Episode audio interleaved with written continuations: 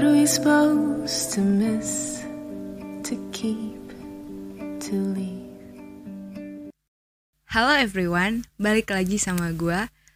Dari judulnya udah lumayan berat nih bahasan kita, menjadi dewasa. Sebelum itu kita cari tahu dulu apa sih definisinya. Dewasa melambangkan segala organisme yang telah matang yang lazimnya merujuk pada manusia yang bukan lagi anak-anak dan telah menjadi pria atau wanita. Saat ini, istilah dewasa dapat didefinisikan secara aspek biologi dan hukum.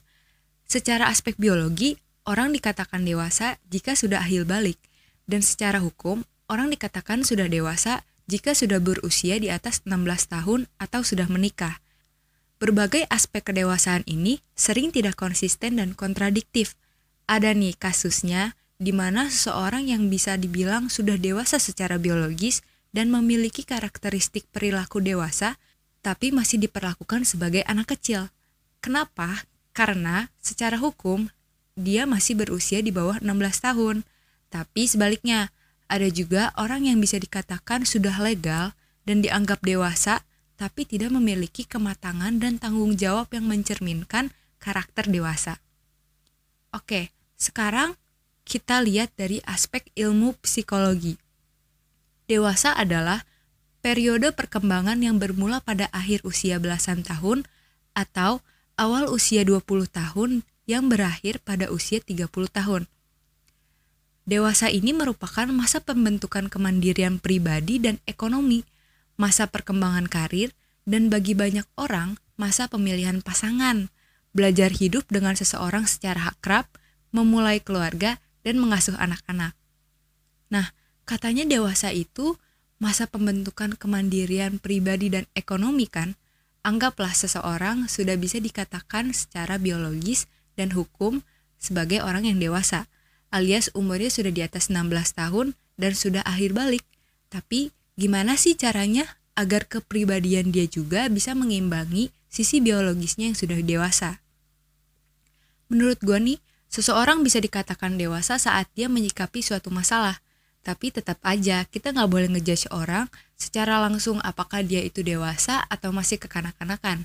Maksudnya, kita nggak boleh nih ngomongin orang eh kamu udah dewasa deh atau ih masih bocah banget sih karena nggak setiap orang bisa nerima kata-kata tersebut.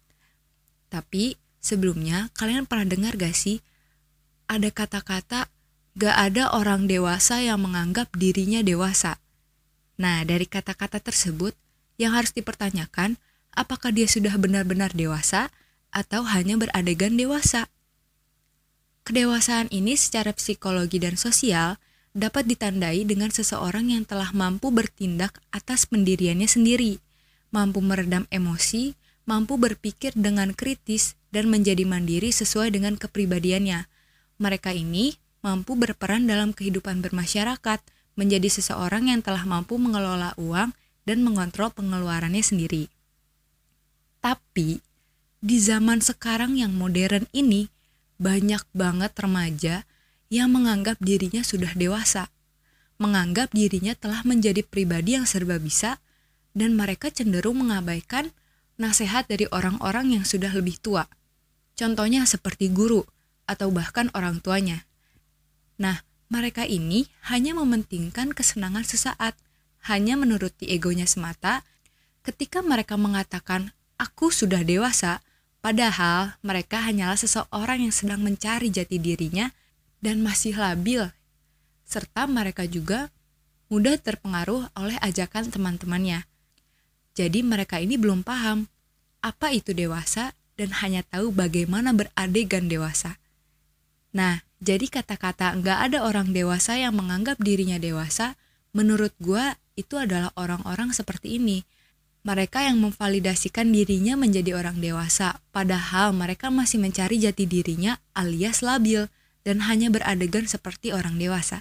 Jadi, kalian sudah dewasa atau hanya paham soal adegan dewasa? Balik lagi, faktor yang paling besar mempengaruhi kedewasaan itu adalah pengalaman dan juga faktor lingkungan sosial seseorang. Jadi, apakah dia bisa mengambil hikmah atau pelajaran dari pengalamannya tersebut untuk dijadikan sebagai bekal di suatu hari nanti.